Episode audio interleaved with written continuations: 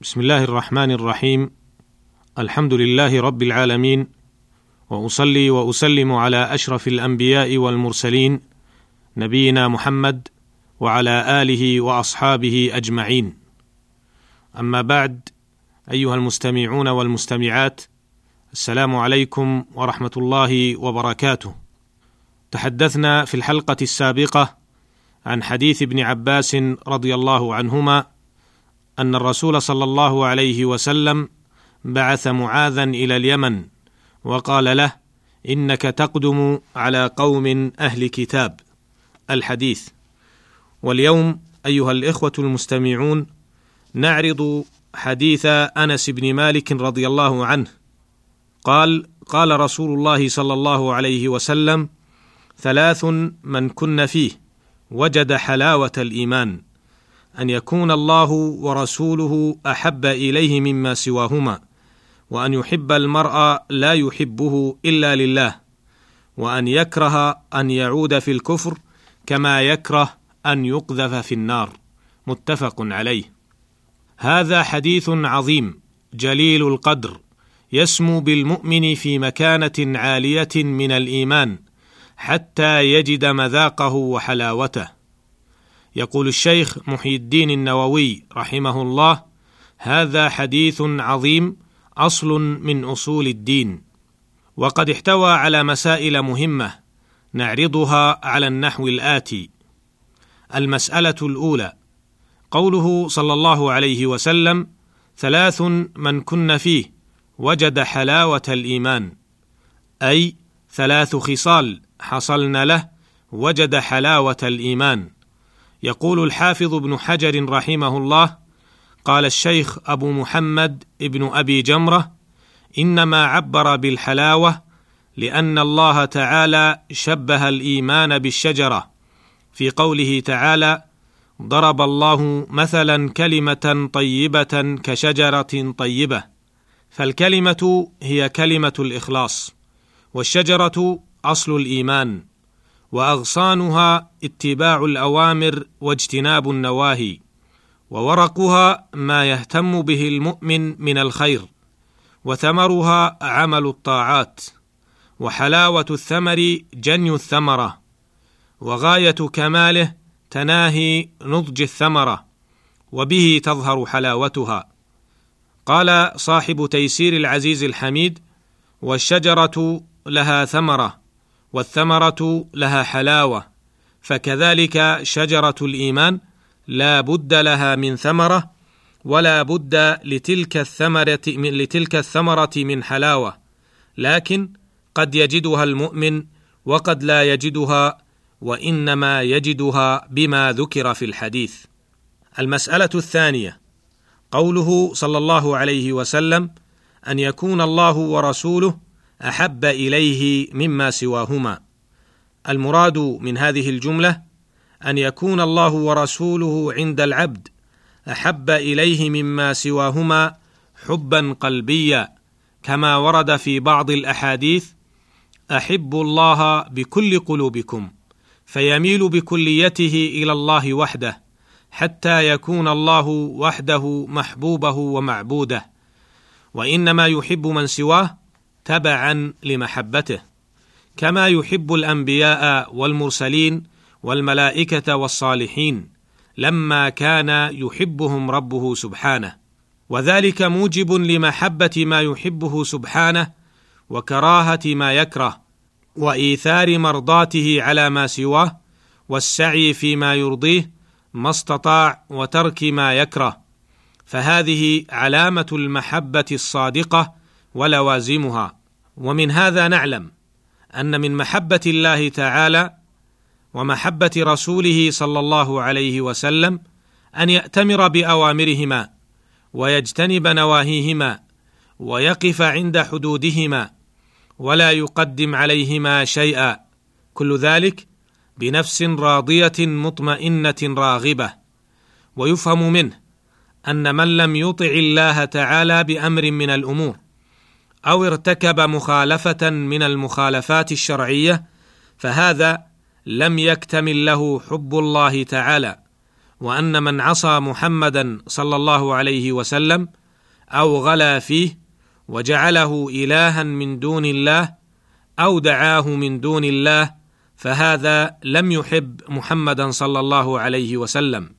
بل محبته الحقيقية طاعته فيما أمر. وتصديقه فيما أخبر واجتناب ما نهى عنه وزجر والا يقدم عليه أحدا. فمن عصاه لم يحبه ومن غلا فيه كذلك وأنزله بغير منزلته لم يحبه. ومن هذا يتحصل أن الذين يتبركون بقبره صلى الله عليه وسلم ويتوسلون به من دون الله تعالى وهم في الوقت نفسه يرتكبون كثيرا من المخالفات الشرعية فإنهم لم يحبوا محمدا صلى الله عليه وسلم فكيف تعظم شخصا وأنت لا تطيع أمره؟ وفوق هذا وذاك لا بد أن تكون هذه المحبة أعلى من كل محبة كما روى البخاري رحمه الله في صحيحه عن عمر بن الخطاب رضي الله عنه. أنه قال للنبي صلى الله عليه وسلم لانت يا رسول الله أحب إلي من كل شيء إلا نفسي.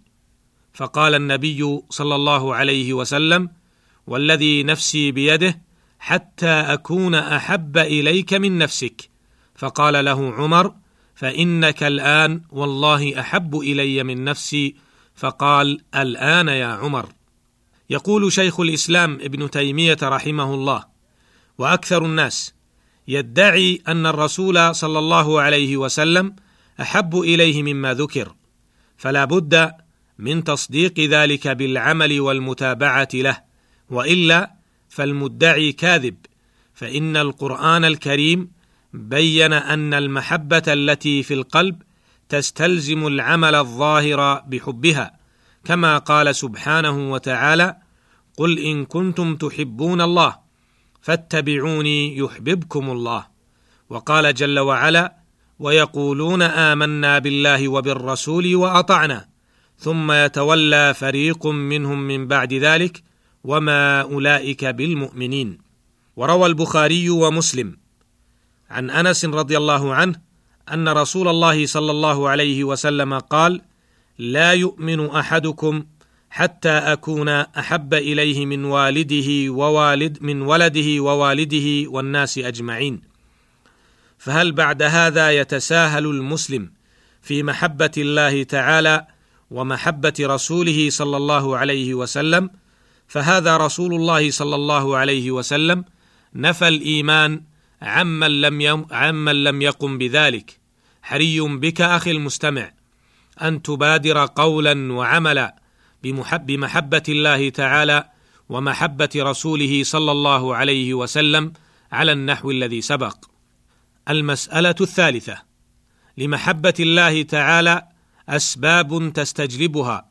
ذكرها الإمام ابن القيم رحمه الله في عشرة أسباب. الأول قراءة القرآن بالتدبر لمعانيه وما أريد به.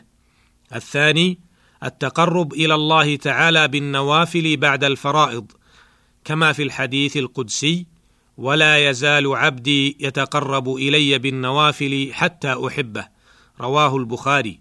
الثالث دوام ذكره على كل حال باللسان والقلب والعمل والحال فنصيبه من المحبة على قدر هذا الرابع إيثار محابه على محابك عند غلبات الهوى الخامس مطالعة القلب لأسمائه وصفاته ومشاهدتها وتقلبه في رياض هذه المعرفة وميادينها. السادس مشاهدة بره وإحسانه ونعمه الظاهرة والباطنة. السابع وهو أعجبها انكسار القلب بين يديه. الثامن الخلوة به وقت النزول الإلهي آخر الليل. وتلاوة كتابه ثم ختم ذلك بالاستغفار والتوبة.